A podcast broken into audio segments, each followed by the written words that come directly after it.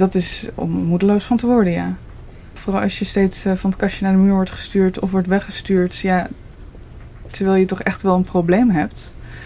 Waar eigenlijk niemand goed naar luistert of in ieder geval niet weet wat ze ermee moeten. En je daarom maar wegsturen. Er zijn ook perioden geweest dat ik dacht, oké, nou ja, ik geef deze zoektocht maar op. Want we komen nergens uh, verder. Maar ja, het probleem werd steeds erger. Dus op een gegeven moment uh, was ik er helemaal klaar mee. En toen dacht ik, ja, ik ga ook niet meer hier uh, deze ruimte uit voordat we een oplossing hebben. Aan het woord is Miranda, nu 31 jaar. Ze heeft jarenlang hevige menstruatiepijn. Dan krijgt ze bloedingen uit haar navel. Maar bij artsen krijgt ze geen gehoor. Ze vertelt over haar medische strijd en de schaamte die ermee gepaard gaat. Dit is Komt een mens bij de dokter. En ik ben Angelique Houtveen. In deze podcast horen we verhalen uit de spreekkamer. Intieme, ontroerende en opzienbarende verhalen. Van mensen die lang niet altijd de hulp krijgen die ze nodig hebben. Miranda woont in Utrecht en werkt in de culturele sector. Ze werkt ook af en toe op festivals. Ze sport en speelt toneel. Op het eerste gezicht is er niks aan de hand. Maar Miranda heeft endometriose, een chronische ziekte die alleen vrouwen treft. Dit onderwerp raakt me persoonlijk, want een jaar geleden is ook bij mij ontdekt dat ik endometriose heb. En ik vind het belangrijk om daar open over te zijn.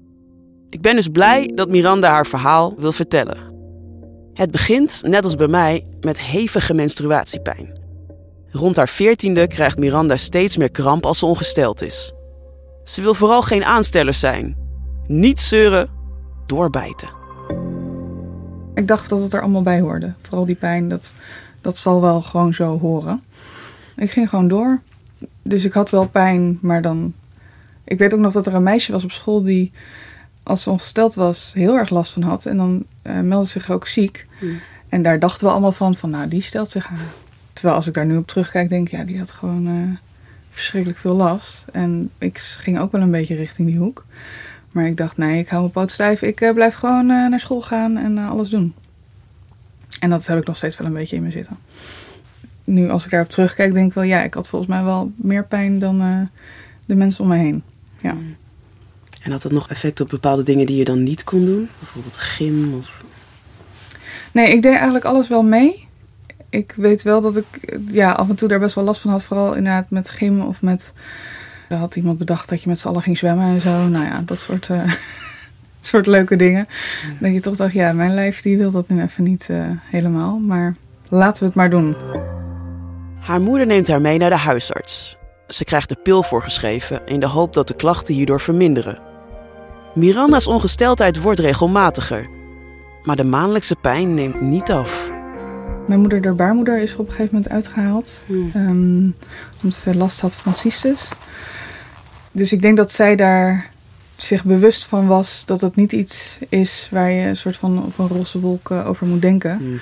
Maar dat daar ook uh, problemen kunnen zijn en dat het onnodig is om daar uh, pijn voor te lijden als dat niet nodig is eigenlijk. Ja. Dus zij was daar best wel mee bezig zelf, denk ik ook.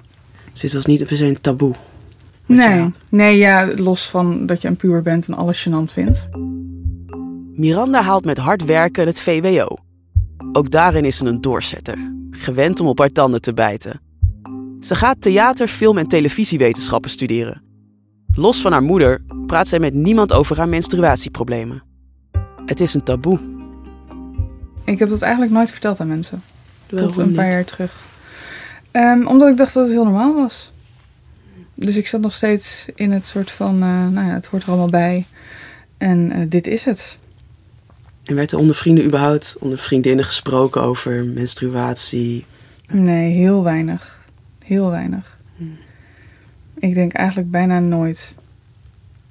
Ja, of, of een opmerking van, oh ja, ik ben ongesteld, uh, het is weer feest.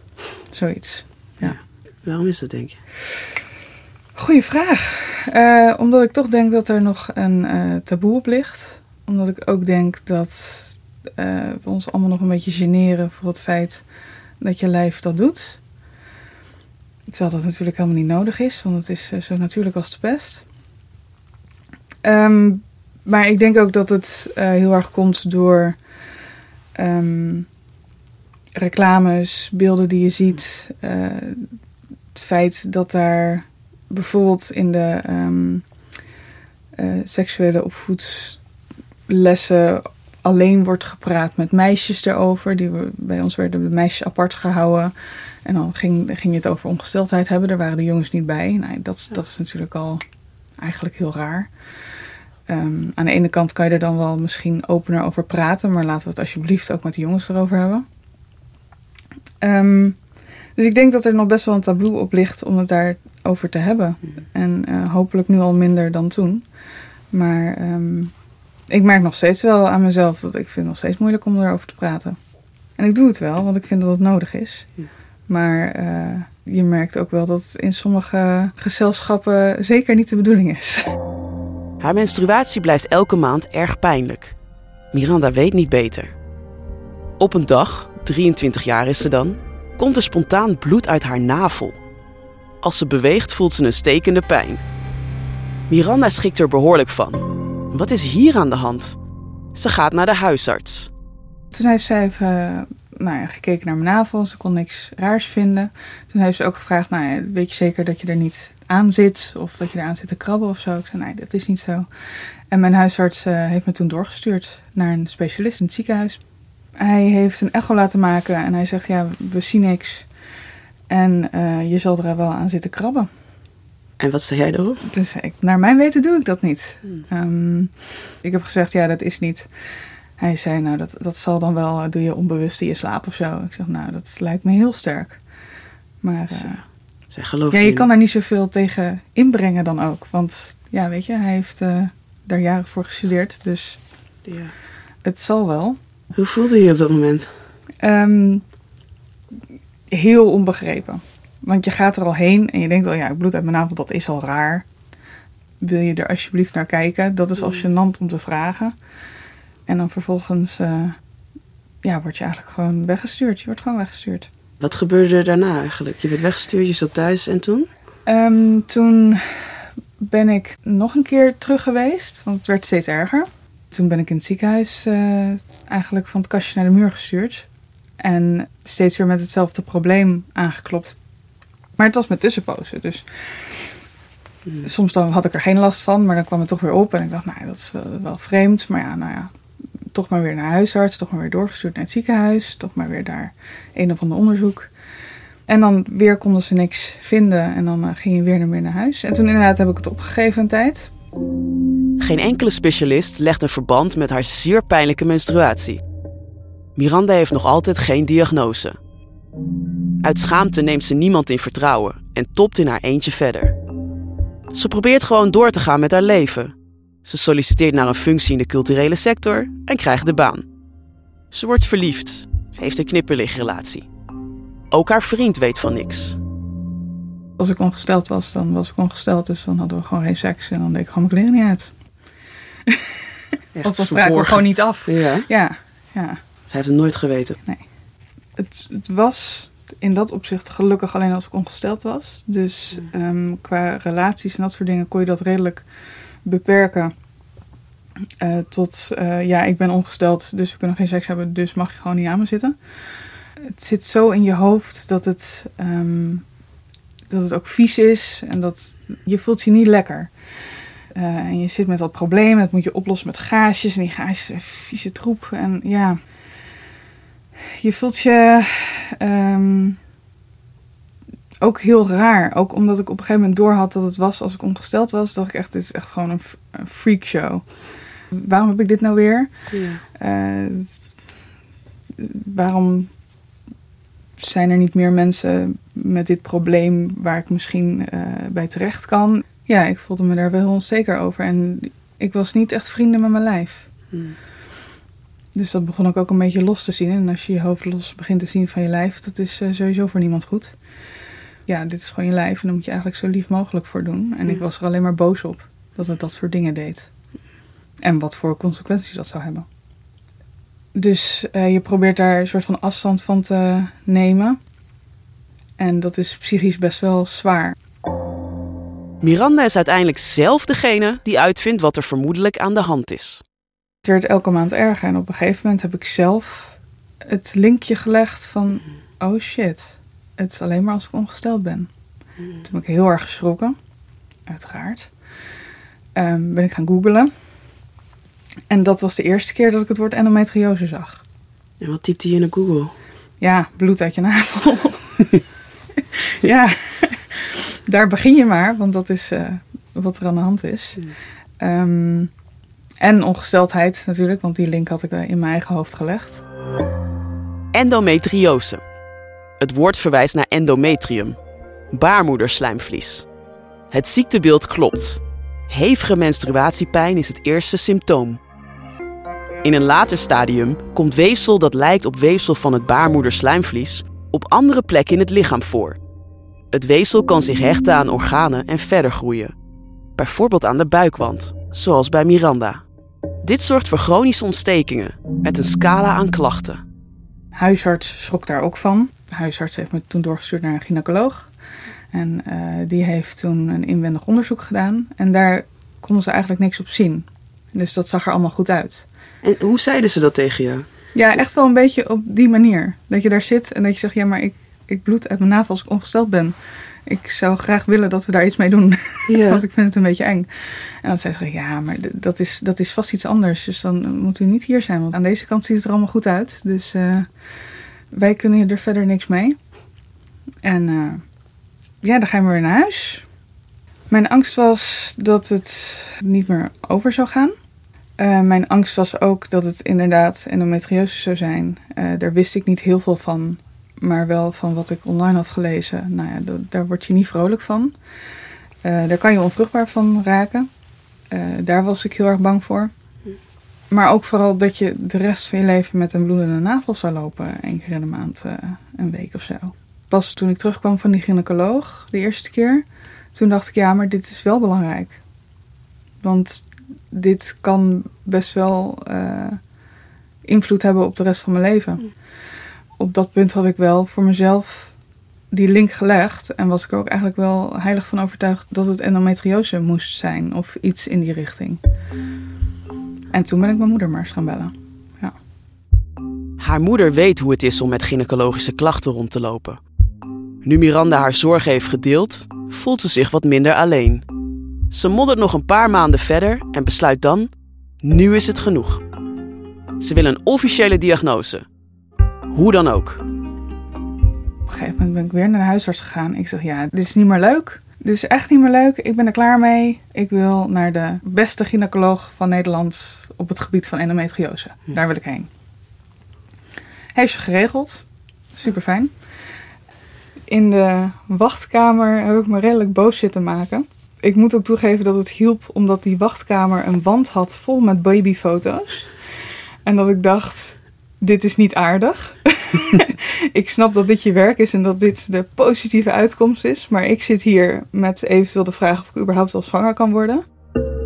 De specialist heeft wachttijden. Een datum vinden is ingewikkeld.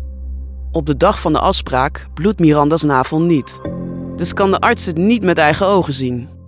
Dus ik kwam daar, ik legde het probleem uit. En hij zei, ja, ja maar dat, eh, dat, komt, nee, dat komt eigenlijk niet voor. Dus dat kan het niet zijn. Zit je daar eh, met je mond vol tanden? Maar ik had me echt opgepopt. Ik denk, ik laat me niet wegsturen. Deze meneer, die weet hier alles van. En die gaat waarschijnlijk ook zeggen van... oh ja, dat komt inderdaad wel voor. Heeft hij ook gezegd. Hij ook gezegd, ja, het komt wel eens voor... maar zo weinig, dat kan het eigenlijk niet zijn. En daar ben je ook nog te jong voor. En nou ja, allemaal van dat soort eh, zaken kreeg ik naar mijn hoofd. En toen heb ik het met hem op een deeltje gegooid. Want ik dacht, ik hou nu mijn poot stijf. Ik ga hier niet weg voordat we in ieder geval iets gaan doen. Want ik ben er helemaal klaar mee. Dus ik heb tegen hem gezegd: Als het weer zo is dat mijn navel bloedt, als ik ongesteld ben, kom ik hierheen en dan maak jij tijd vrij. En dan gaan we er naar kijken. Nou, moeilijk, moeilijk. Ja, dat kan eigenlijk niet. Ik zei ja, maar ik vind dat het wel kan. Dan gaan we dat maar regelen. Oeh. Ja, het was heel eng. ik was ook heel trots op mezelf dat het was gelukt uiteindelijk. En toen heb ik de volgende keer daarna, toen ik inderdaad eh, uit mijn navel bloedde en het zover was, eh, gebeld. En toen eh, ben ik daarheen gereden. En toen heeft hij gekeken, toen heeft hij dat bloed onderzocht. En toen bleek dat inderdaad bloed te zijn van baarmoederslijmvlies of Mm. ja, baarmoedercellen. Hij zei, verdomd, je hebt gelijk. Dus hij heeft ook zijn excuses aangeboden. Ehm, en hij heeft vervolgens een hele rits co-assistentes gevraagd of die mee mochten kijken. Ik heb daar best wel lang gezeten toen ook. En hij heeft meteen gezegd dat hij het zelf wilde opereren, terwijl hij dat eigenlijk niet meer deed. Nou ja, toen was ik opeens een heel interessant, eh, interessant object. Proefpersoon is. Ja, ja, weet je wel.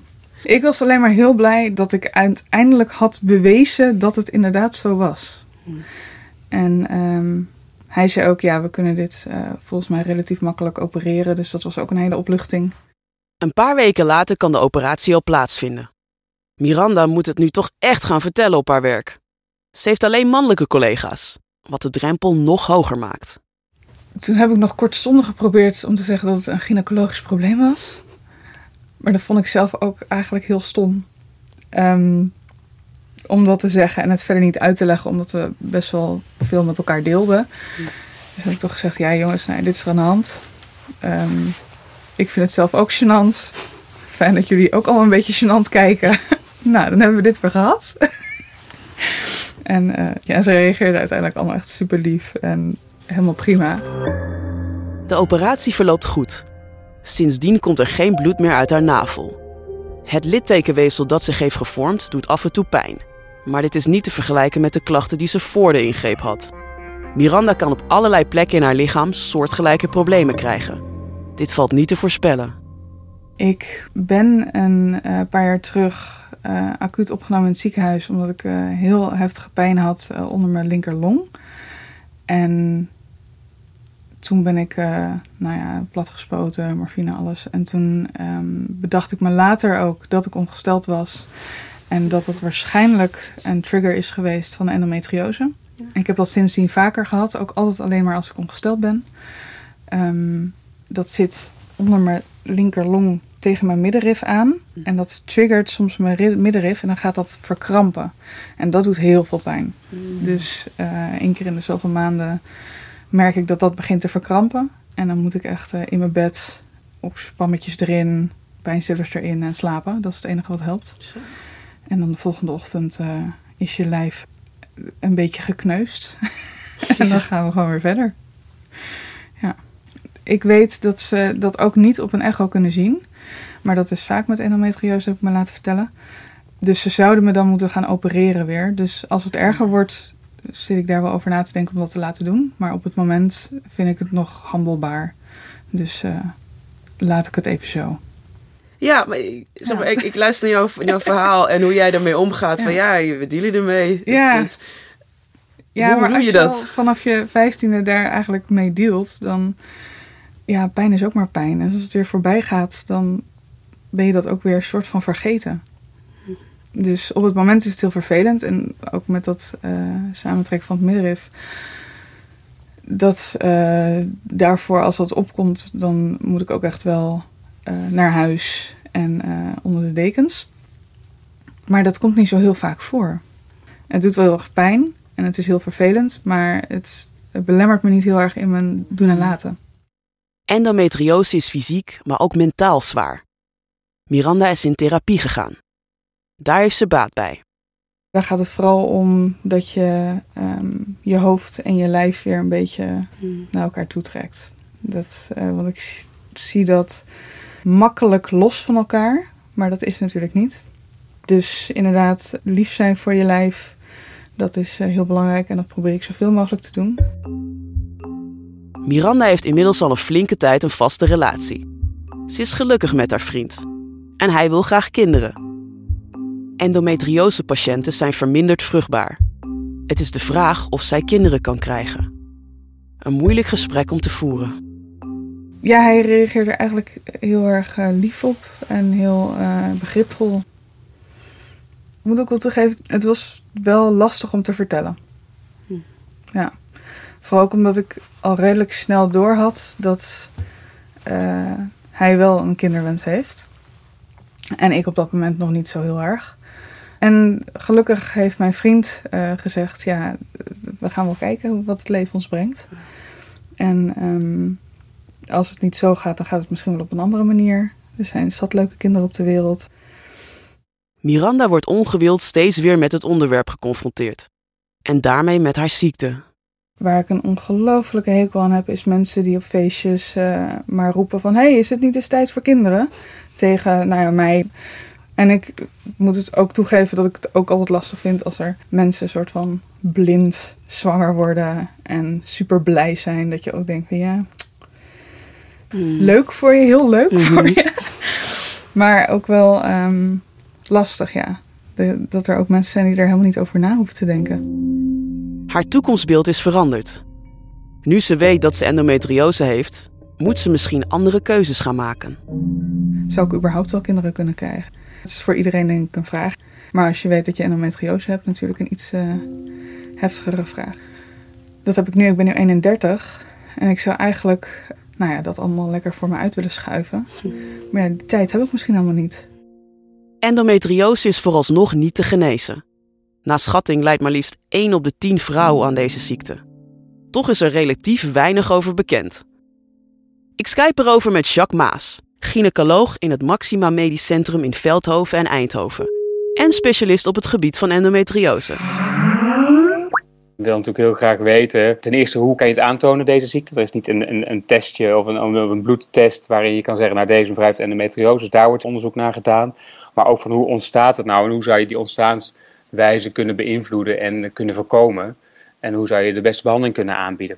Wat zijn nou klachten die een vrouw met endometriose kan hebben? Ja, nou, de belangrijkste klachten is pijn. En in de eerste instantie voornamelijk uh, pijn tijdens de menstruatie.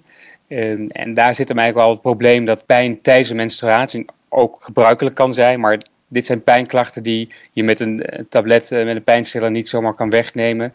In de eerste instantie is dat echt tijdens de menstruatie, maar het kan ook uiteindelijk leiden tot chronische pijn. Dat je eigenlijk elke dag pijn ervaart. Pijn bij het vrij is een belangrijke klacht bij, bij vrouwen met endometriose. En in veel gevallen kan endometriose ook eh, leiden tot uh, verminderde vruchtbaarheid.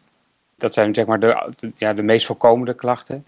En als andere organen betrokken zijn, zoals bijvoorbeeld een darm of een blaas, ja, dan krijg je ook wel andere klachten, zoals uh, pijn bij de ontlasting of het gevoel dat je moet poepen, maar dat er helemaal niets komt, of krampende blaas. Nou, zo is het eigenlijk de verscheidenheid van, van de klachten. Is dat ook waarom het zo moeilijk is om die diagnose te stellen? Ja, soms worden vrouwen wel eens geholpen door een vragenlijst in te vullen en dan heb je een soort scorelijsten. Maar een soortgelijke scorelijst zou ook zomaar kunnen passen bij bijvoorbeeld een prikkelbare darm of uh, uh, blaasklachten. Dus er zit heel veel overlap in andere aandoeningen. Dus het is heel erg afhankelijk van, ja, wordt de klacht herkend of kom je bij de juiste specialist uh, dat endometriose uiteindelijk herkend wordt.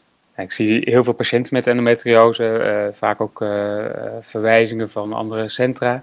Uh, in hele minimale vormen, maar ook in hele extreme vormen.